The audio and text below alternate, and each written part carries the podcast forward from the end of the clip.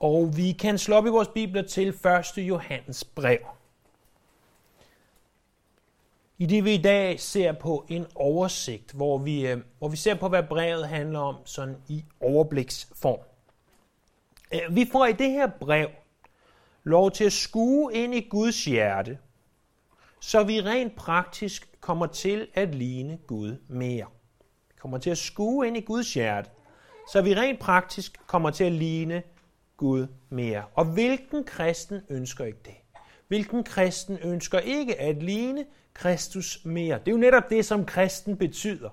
At vi er ligesom ham. Ikke fuldstændigt og fuldkommen på denne side af evigheden, men at vi bliver mere og mere som ham for hver dag, der går. Der er forskellige bibelske bøger, har haft en mægtig indvirkning på kirkens historie. For eksempel så havde Romerbrevet øh, en enorm påvirkning af Augustin. Øh, og Galaterbrevet, det påvirkede Luther. Første Johannes brev påvirkede vores egen Chuck Smith i en sådan grad, at Calvary Chapel er det, Calvary Chapel er i dag, på grund af 1. Johannes brev. Øh, det var egentlig sådan her, at da Chuck Smith, som jo er Calvary Chapels menneskelige grundlægger, havde været pastor i omkring 17 år, der havde han en udfordring. Udfordringen bestod i, at han prædikede over emner i Bibelen. Så i en søndag dukkede han op, og så prædikede han over emnet kærlighed. Lad os ikke i dag åbne biblerne op til et bestemt afsnit, men lad os i dag tale om kærlighed. Næste søndag kunne det være, at han sagde, i dag menighed skal det handle om synd. Om hvorfor I er nogle forfærdelige syndere, der ikke omvender jer. Øh, det var typisk de prædikner, han havde forberedt. Han skriver øh, i sin bøger om det her, at hver søndag, så havde han en prædiken, der ville kunne omvende selv den forfærdeligste synder. Problemet var bare, at han, så vidt man kan vide det, vidste, at alle de mennesker, der dukkede op til gudstjenesten, var frelste. Så ændrede han prædiken lidt, og så fortalte han dem, hvor forfærdelige de var, fordi de ikke havde medbragt en sønder, der kunne blive omvendt. Øh, en tredje søndag kunne det være, at han talte om korset. Om korsets betydning. Det, det var jo alle sammen gode emner. Emner, som er vigtige. Emner, som er vigtige at, forstå en, at få en forståelse for. Problemet var bare, at når der var gået omkring to år, så kunne han ikke finde på flere emner. Så tænkte han, jamen, for et år og ni måneder siden talte jeg om kærlighed. For et år, seks måneder siden talte jeg om synd, og for et år, tre måneder siden talte jeg om korset, og dem kan jeg ikke tale om allerede igen, og jeg, jeg kan simpelthen ikke finde på flere. Han, han var et kirkesamfund, som øh, ovenfra bestemte, hvilken kirke pastoren skulle være i. Så man kunne godt blive forflyttet. Øh, så når der var gået omkring to år, så skrev han til dem, øh, eller ringede, eller hvad han gjorde, og sagde, prøv at høre, jeg kunne faktisk godt tænke mig at prøve øh, kræfter i en ny menighed nu. Kan I ikke rykke mig til et andet sted? Så gjorde de det. Så opstod der bare det problem på et tidspunkt, at han var blevet bosat i det sydlige Kalifornien, hvor han i det hele taget det meste af tiden var, i det, der hedder Huntington Beach. Og Huntington Beach dengang, øh, fortæller han, var øh, næsten som paradis på jord. Der var ingen mennesker, og det var fantastisk at surfe. Og øh, der var heller ikke nogen andre mennesker nede ved stranden. Og øh, så skinner solen jo det meste af tiden, som I ved. Det, som vi vil se som en, en ganske kødelig årsag til at forblive på en bestemt lokation. Børnene var også begyndt i skole. Og øh, jeg vil ikke forlade Huntington Beach. Der er alt for dejligt og rart at være der. Det er ligesom de der pastorer, der siger, at jeg har fået et kald. Jeg, jeg ved, jeg har fået et kald. Jeg skal til Hawaii man må altid tænke, okay, hvad kaldte der? Var det solen og varmen, eller var det Gud? Og, og man må selvfølgelig også tænke det samme om Chuck Smith, og det er selvfølgelig fair nok. Han siger, okay, jeg har været, været her i to år, og jeg har snart ikke flere emner. Hvad gør jeg? På det tidspunkt så læste han en bog af en, en forfatter, der hed øh, Griffith Thomas. Øh, bogen hedder The Apostle John og den handler om apostlen Johannes. I, I den her bog, der inddeler Griffith Thomas første Johannes brev i omkring 50 forskellige øh, afsnit. Så tænkte jeg, det her det er faktisk nogle gode inddelinger. Og, og jeg kunne tage de her cirka 50 inddelinger, og så kunne jeg begynde at holde prædiken over de her. Så ville jeg have et helt år mere i Huntington Beach. Fantastisk. Surf, here I come. Det var sådan i det kirkesamfund, han, han egentlig var en del af. Øh, The The Foursquare Church, som er en, en del af Pinsekirken. Der skulle de, jeg ved ikke om det var på månedsbasis, eller halvår, eller årlig basis, hvor tit det var, men de skulle indimellem fortælle ledelsen, den overordnede ledelse, hvor mange mennesker, der var blevet frelst, hvor mange, der var blevet døbt, og så videre, og så videre, hvor mange, der kom i kirke hver søndag formodentlig, simpelthen sidde og holde statistik med det. Han sagde, han havde det. Han havde det. Men, men det skulle han jo altså. Det var en del af at være der. Så han skulle skrive, hvor mange der blev frelst og så videre. Og det gik ikke så godt, ligesom i de fleste andre kirker. Men da han begyndte at prædike gennem 1. Johannes, det han så gjorde, det var, at han sagde, næste søndag, der begynder vi 1. Johannes brev. Og brevet giver os, øh, han mener tre, jeg mener umiddelbart fire årsager til, at det er skrevet. Han sagde, der er tre årsager til, at brevet blev skrevet. Jeg vil godt have, at når vi mødes ved døren næste søndag, og jeg siger, hvad er de tre årsager til, at Johannes han skrev sit første brev, så kan du give mig de tre årsager. Folk tænkte, hold da op, vi fik lektier for. Så øh, det, der skete i ugens løb, det var, at folk ringede til ham næsten midt om natten og sagde, oh, jeg kan simpelthen ikke falde i søvn. Nu har jeg læst brevet 10, 20, 30 gange, og jeg kan ikke finde den tredje årsag til, at han skriver brevet. Hvad er det dog? Vi ser det på søndag, sagde han så. For personerne forblev så søvnløse i nogle dage nu. Og, og næste søndag sagde han, nu skal I finde nogle andre ting, og det gjorde han et par søndage, og derefter begyndte han så at gennemgå 1. Johannes brev. Det blev vist nok, så vidt jeg ved, til lidt mere end et, et års tid. Det her var før Calvary Chapel, vel at mærke. Så det har været i begyndelsen af 60'erne. Han oplevede noget ekstraordinært i sin gennemgang af 1. Johannes brev. Det år, hvor de gennemgik 1. Johannes, der blev flere mennesker frelst, og der blev flere, der blev døbt, end nogensinde før. Det var ekstraordinært. Og han begyndte at spekulere over, hvad er det, der er sket? Jamen, i stedet for, at jeg giver dem et emne, der fortæller dem øh, om, hvad, hvad jeg, og, og selvfølgelig til dels Bibelen, øh, siger om det her, hvor jeg stykker det sammen, så går jeg i stedet for direkte til kilden, tager det fra Bibelen og giver det til dem. Og han fandt også ud af, at ved at gøre det på den måde, så er det ikke sådan, at jeg øh, tre søndage taler om synd, og en søndag taler om kærlighed hvis vi skulle dele det op i to lejre. Øh, fordi at jeg bliver nødt til at tage de emner, som Bibelen automatisk bringer op. Og det gjorde han, da han var færdig med 1. Johannes, fortsat i romerbrevet, og der skete andre ting, og så endte han med at komme til Calvary Chapel, og har fortsat i, i den stil lige indtil han gik hjem til Herren, og, og noget af det, han har givet videre til os andre.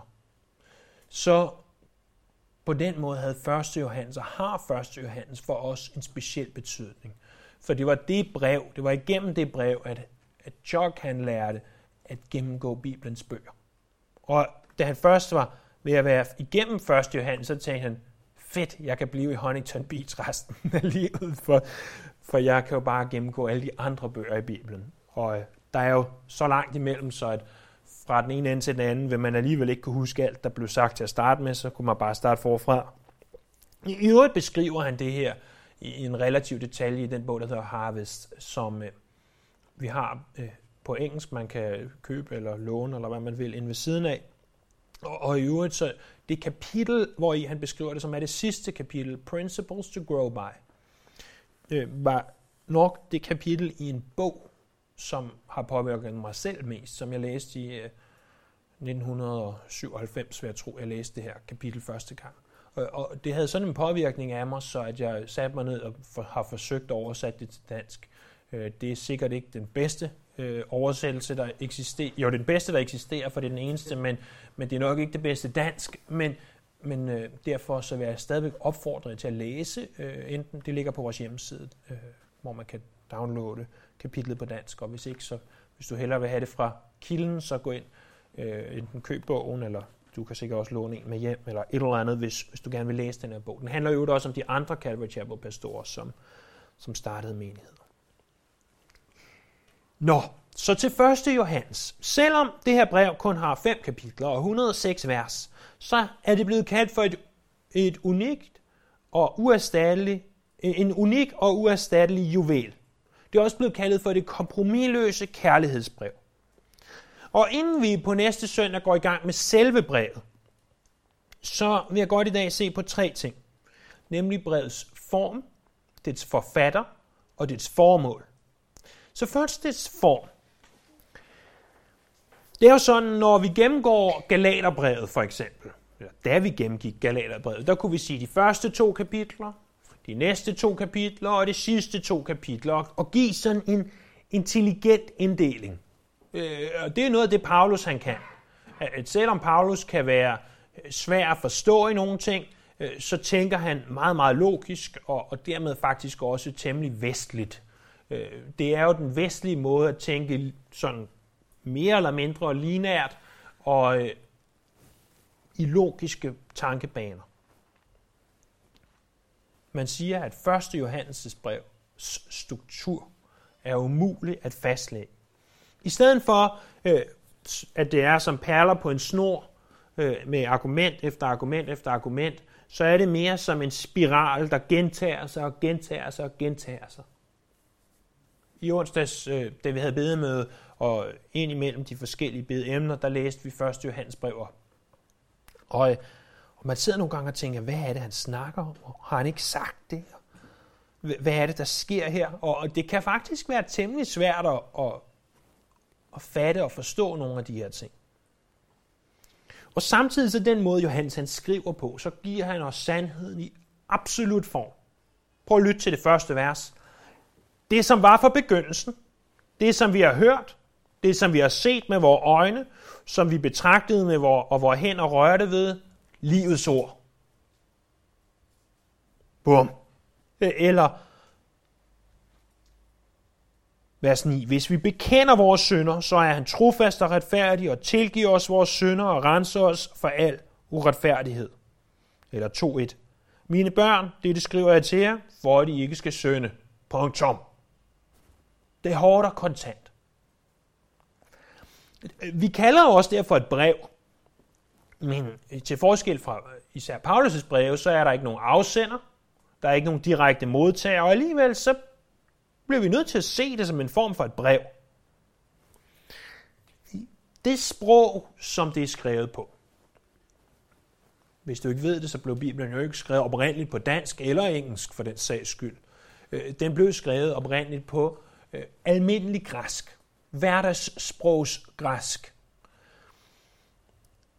Og øhm, det er sådan, at man, man kan graduere, hvor svær græsken er. Ligesom at, at hvis vi sætter os ned og læser et eller andet på dansk, så kan du tage en børnebog og sige, den er relativt simpel og lige til, og, og så kan du tage øhm,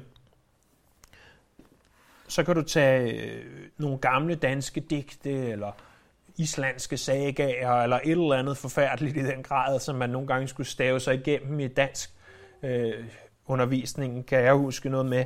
Og, og det, kan altså, øh, det kan altså være rigtig, rigtig svært at forstå. Første Johannes brevs græske, det er det nemmeste græsk i det nye testamente. Det er det, som når, når man lærer græsk, så er det første Johannes brev, man som regel læser fra først. Vores der lærte græsk her sidste år, vores første øh, rigtig store lektion, vi skal oversætte, øh, det var fra 1. Johannes brev. Så, så relativt simpel er græsken at forstå. Men det betyder ikke, at det han siger er simpelt. Selvom sproget er simpelt, så er sandhederne dybe. Uudtømmeligt dybe. Og det er fordi, at 1. Johannes på mange måder er som en far, der taler til sit barn. Så Johannes sidder der som en far og taler til sine børn. Og det kan godt være, at han siger det på en simpel måde. Men det er så dybt, så vi ikke vil forstå det fuldt ud. Det var brevets form. Så til dets forfatter. Forfatteren er jo egentlig anonym. Og, og det er muligvis fordi at de, der har modtaget brevet, de har ikke været i tvivl om, hvem det var fra. I de første fire vers, der beskriver forfatteren sig selv som et øjenvidne øh, til de ting, som skete med Jesus. Vi tror, sammen med mange andre, at brevet blev skrevet af apostlen Johannes. Og det bevidnes blandt andet af Clement 96 efter Kristus i den skrift, der hedder Didaka i 90-120, og af Barnabas' brev ca. 130, og Papias 150 efter Kristus. Og når vi sammenholder det her brev med det, som vi kalder Johannes evangelie, øh, så opstår der ikke mange tvivl om, at det er Johannes, apostlen Johannes, der skrev det her brev. Johannes han gik fra at blive kaldet en af tordensønderne til at blive kaldet kærlighedens apostel. Vi ser, at han kom ud af en velhavende familie fra Bethsaida ved Genesarets sø. Øh, han var en af Johannes døbers disciple, og, og siden blev han en af Jesu disciple. Han var i familie med Jesus. Han nævnes også som en af de fire første apostle i de her lister, der er over apostlene. Og han er en af de tre, som Jesus havde tættest på sig. Han skrev et af de fire evangelier. Og han betegner sig selv som den disciple, som Jesus elskede. Og mens de fleste af os, når vi først hører det, godt kan tænke, det var da en opblæst ting at sige. Hvis jeg kommer hen og siger, jeg er den kristne, som Jesus elsker. Så okay, sekt, lad mig komme ud herfra. Men det er jeg. Jeg er den kristne, som Jesus elsker. Men det er du også. Og jeg tror, at det, som Johannes har siddet og tænkt, det er, åh oh, nej, dengang jeg sagde, skal vi ikke nedkalde ild over de her byer? Og så alligevel, så bliver Jesus ved med at elske mig. Hvor er det utroligt, at Jesus han elsker mig. Tænk så, at jeg er den disciple, som Jesus elsker. Og, og må hver af os have sådan en, en måben over Jesu kærlighed. At vi kan sidde der og sige, tænk så, at Jesus elsker mig. Tænk så. Hvor er det? Hvor er det utroligt, at Jesus kan elske en tordens søn. Jesus kan elske en, hvis temperament måske ikke er helt der, hvor det, det burde være. Jesus kan elske hver af os. Vi tror, at Efesus har været den primære modtager af brevet. Det tror vi, fordi det var der, Johannes han øh, tilbragte længst tid uden for Israel og uden for, for der, hvor han egentlig oprindeligt kom fra. Men men vi kan ikke fastslå det endeligt. endeligt. Og derudover tror vi også, at brevet har flere modtagere og ikke blot én. Vi er til gengæld temmelig sikre på, at brevet er skrevet i den sidste fjerdedel af det første århundrede, altså mellem år 75 og 100. Og hvis vi absolut skal sætte et cirka årstal på, så vil år 90 være et godt bud. Hvis Jesus døde i cirka år 30 efter Kristus, så er det altså 60 år efter, det skete det her. Johannes var der da Jesus døde. Og Johannes var gammel nok til at være Jesu disciple i tre år. Så uden at jeg har nogen som helst idé om det, så har Johannes nok været som minimum en 17, 18, 20 år i år 30. Det vil sige, at på det tidspunkt, at han skriver det her brev, har han som minimum været omkring de 80. Og øh, at blive 80 år dengang, det var rigtig gammelt. Det hørte til sjældenhederne. Og, og når folk har, øh, ja, har set ham, øh, så har de tænkt, hvilken olding. Måske har de kaldt ham Methusalem for sjov. Jeg ved det ikke. Øh, sådan god bibelhumor der. Men, øh, tro mig, selvfølgelig havde de også bibelhumor dengang der, der går et, et rygte om det. Man kan ikke vide, at, om det er sandt. Men når han var der i Efesus, og han kom ikke til alle arrangementerne, han kunne ikke prædike så meget mere, og han skulle nærmest bæres rundt på en, på en borger, og så kom de og bar ham ind. Øhm, og, og så vil han jo gerne ligesom opmuntre dem med et eller andet, sige et eller andet til dem. Og han havde jo ikke Facebook og Instagram og Snapchat og alt det andet, så han kunne jo ikke bare sende dem et Snapchat og sige, se hvor gammel og syg jeg ser ud. Men øh, så sagde han, små børn, elsk hinanden. Små børn, elsk hinanden. Mine børn, elsk hinanden. At det blev han ved med at sige. Jeg aner ikke, om det er sandt, eller om det er noget, som man har digtet efterfølgende. Det, det er noget, der stammer tilbage fra kirkehistorien, det jeg siger, men det, jeg kan ikke, har ingen måde at, at afgøre på, hvorvidt det er sandt. Prøv en gang at gå tilbage til Johannes evangeliet, kapitel 20. Fordi vi har nu set på brevets form, og vi har set på brevets forfatter. Og her til slut, så lad os se på brevets formål. Brevets formål er det her. Den får I det først som en sætning. At gøre os sikre på vores frelse. Brevets formål er at gøre os sikre på vores frelse.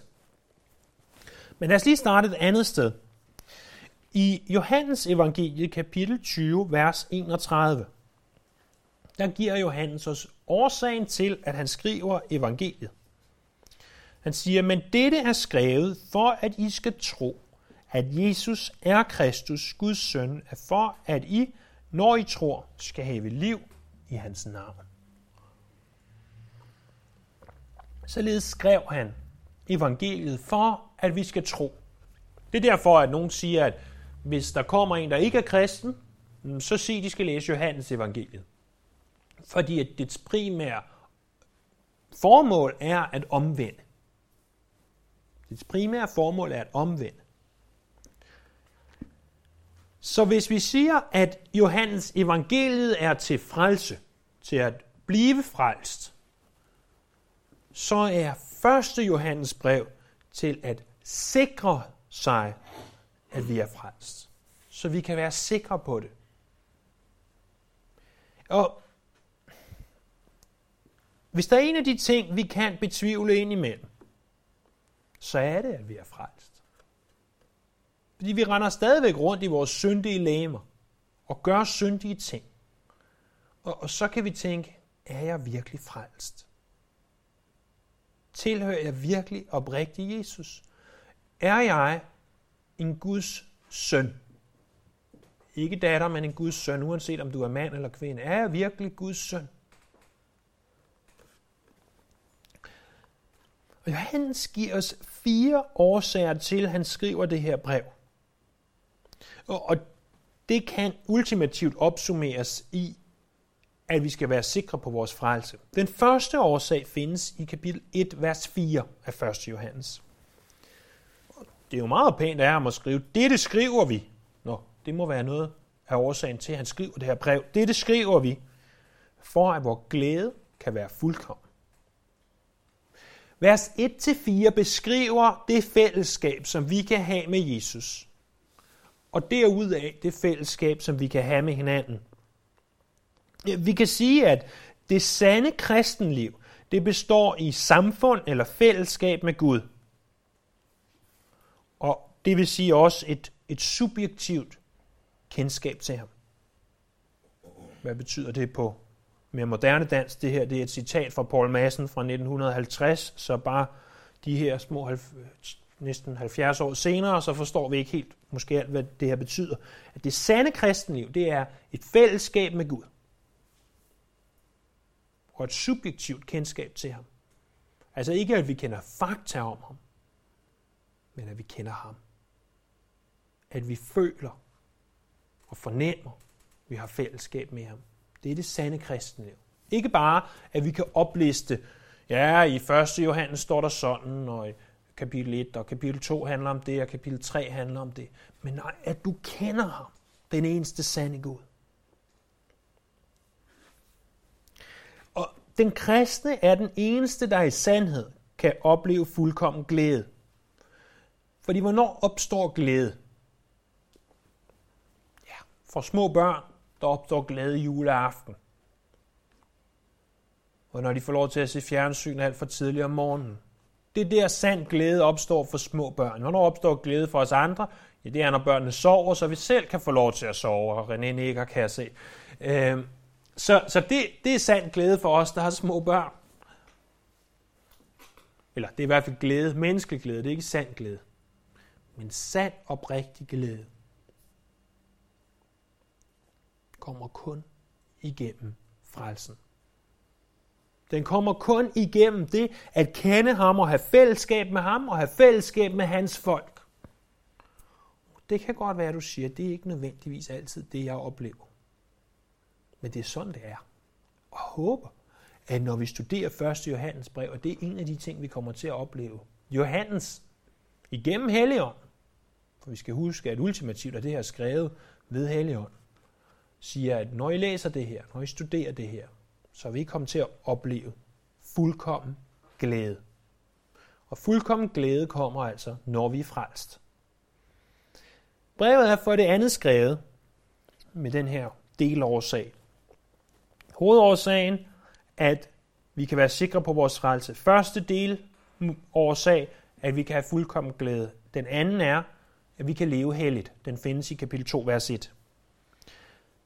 Han siger, mine børn. Kan I ikke høre ham sige det næsten der? 80-90 år gammel. Mine børn. Det, det skriver jeg til jer, for at I ikke skal synde.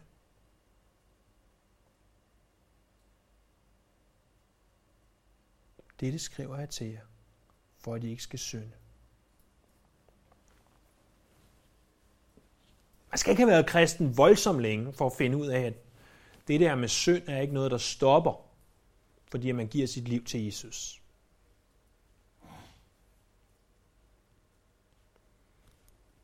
Men synden kan blive mindre. Der behøver ikke blive ved med at være lige så meget synd. Jeg plejer at udtrykke det sådan her. Den, der ikke kender Jesus, den, der ikke er kristen, har ikke noget valg, har ikke nogen mulighed for ikke at synde. Han eller hun vil synde. Men den, som tilhører Jesus, har et alternativ. Ikke på grund af os, men på grund af ham, der bor i os, og ham, der er større end os. Det er sagt, at som en fisk ikke kan leve på landjorden, så kan den kristne ikke leve i synd. Og vi skal nok komme til at tale meget, meget mere i dybdegående om, hvad det her betyder. Men det, som Johannes han siger, det er, at jeg skriver det her til jer, for I ikke skal synde, for I skal leve det, som vi kalder helligt.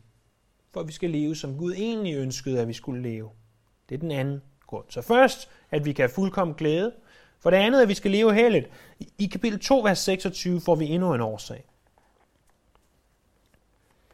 Dette har jeg skrevet til jer om dem, der vil føre jer vild.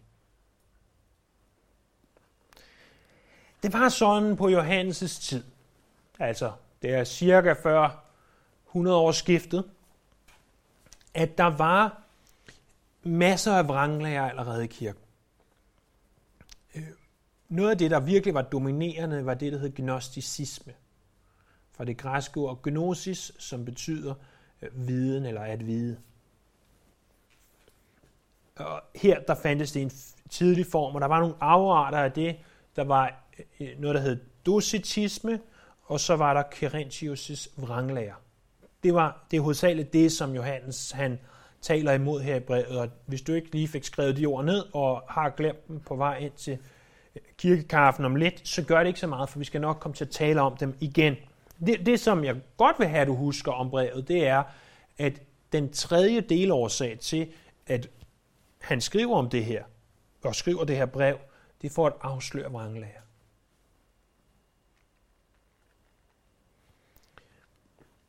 Det er sagt, at de her former for vranglærer, det vil minde mest af alt om det, som vi i dag kalder for New Age og New Age-bølgen, som selvfølgelig øh, bliver ved med at herske og altid har hersket.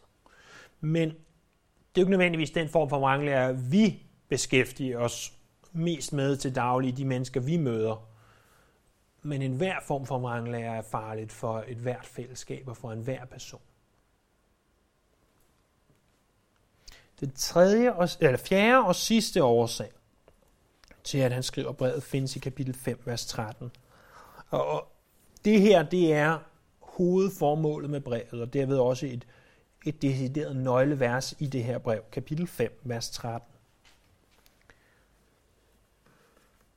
Dette har jeg skrevet til jer, der tror på Guds søns navn. For I skal være temmelig sikre på,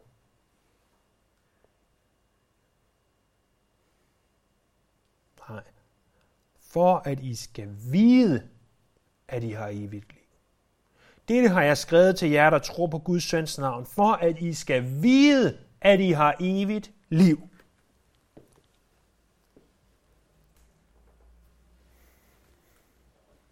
Når du stiller dig selv spørgsmål, er jeg virkelig en kristen? Nu kommer jeg til at tænke sådan her igen. Nu kommer jeg til at gøre og sige sådan her igen. Nu fik jeg ikke lige læst min bibel så meget, som jeg burde i 2016. Og nu er det 2017, og jeg har gjort mig et nytårsforsæt. Det var at læse min bibel hele den første uge af 2017. Ikke? Øh, der er sådan en, en satirisk hjemmeside, der hedder The Babylon Bee, og den skrev om, øh, den laver, vi kan kalde det, noget, der ligner nyheder, men som er så åbenlyst øh, for sjov, Øhm, og for at, gøre opmærksom på problematikker i, det kristne liv. Og den, den havde her ved nytårsskiftet, det var, der var en bibel, som var vildt begejstret, fordi nu kunne den snart få lov til at blive læst hele den første uge af januar. Øh, og den tænkte jeg, ja, i, i år der kommer vi måske til helt til anden Mosebog, og måske får vi endda lov til at snuse til tredje Mosebog i år, hvem ved. Og så kan den så få lov at stå der og trække støv hele resten af, af år. Så øh, nogle af os har svært ved en ting i det kristne liv, og andre har svært ved en anden ting. Og vi kan tit slå os selv og bebrejde os selv og pine os selv og så sige, er jeg virkelig en kristen? Når jeg ikke gør sådan, eller jeg gør sådan. Men Johannes han siger, du kan vide, om du har evigt liv. Du kan vide, om du har evigt liv. Og det han så gør, for at vi kan få at vide, om vi har evigt liv, ja, det skal vi bruge de næste mange, mange søndage på at se på. Et biprodukt af det, det er jo, at vi vil have fuldkommen glæde, at vi vil leve hellige liv, og vi vil afsløre vranglager. Men først og fremmest, så skal vi begynde at forstå, at vi kan vide, om vi har evigt liv. Og det er, venner, noget, som er så essentielt og så vigtigt for hver af os. Fordi vi vil have folk udefra, der betvivler os. Vi vil have os selv indenfra, der betvivler os. Vi vil have satan, der visker i vores ører. Du er da ikke en kristen, fordi du har gjort det og sagt det, og du har ikke gjort det og ikke tænkt det. Og så giver Johannes os forskellige prøver igennem brevet, hvorved vi kan efterprøve for det første vores lære. Det er blandt andet, tror vi på, at Jesus han kom i kødet. Vi kan også efterprøve vores liv, om vi ønsker at leve hellige liv. Men størst af alt, så giver han os en prøve på kærlighed. Han siger i kapitel 3, vers 18, Kære børn,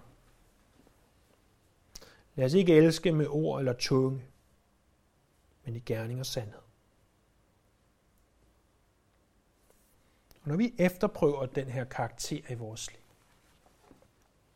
så kan vi se, om vi virkelig i sandhed tilhører Jesus. Og det kan være, at nogle af os bliver overrasket og finder ud af,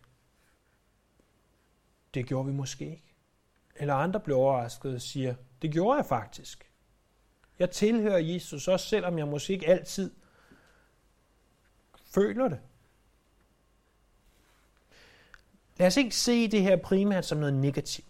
Sige, nu skal vi have fundet alle dem, der ikke tilhører Jesus, og vi skal have luet ud, og vi skal have dem omvendt, og så skal vi fremad. Nej, lad os se det som noget positivt. Lad os se det som noget meget, meget positivt, nemlig at du kan blive sikker på, om du er frelst. Og hvis vi efter at have gennemgået 1. Johannes, du stadigvæk ikke er sikker på, om du er frelst, jamen, så er det måske tid til, at du skal sikre dig det ved at give dit liv til Herren. Det er jo aldrig til at vide, når vi går i gang med en bog, hvordan den bog kommer til at påvirke os. Jeg ved, at da vi gennemgik Galaterbrevet, der påvirkede det mig øh, utrolig stærkt. Og øh, jeg håber, at 1. Johannes kommer til at påvirke øh, ikke bare mig selv alene, men også jer lige så stærkt. Så øh, på søndag begynder vi i kapitel 1, vers 1, og vil derefter gå vers for vers igennem bogen de næste mange søndage fremover. I det vi skal lære at se på og sikre, og at vi kan blive sikre på, at vi er frelst. At vi kan blive sikre på, at vi er frelst. Det er hovedbudskabet. Lad os bede. Himmelske Far, vi kommer til dig i Jesu navn, og vi takker, at du har givet os det her skrift i Bibelen, som kan hjælpe os til at sikre os, at vi tilhører dig. Vi ønsker at være sikre, for vi ved, at når vi er sikre, så, øhm, så gør det noget, noget helt, øhm, helt unikt i os. Og må, øh, må du her tale til os og hjælpe os til at forstå, og må vi vide, at der ikke er nogen fordømmelse for de, som er i dig. Og må vi se, hvad det her brev det kan, kan lære os, ikke bare om os selv, men først og fremmest om dig. Tilbeder dig, og vi ser frem til vores tid i ordet sammen. Amen.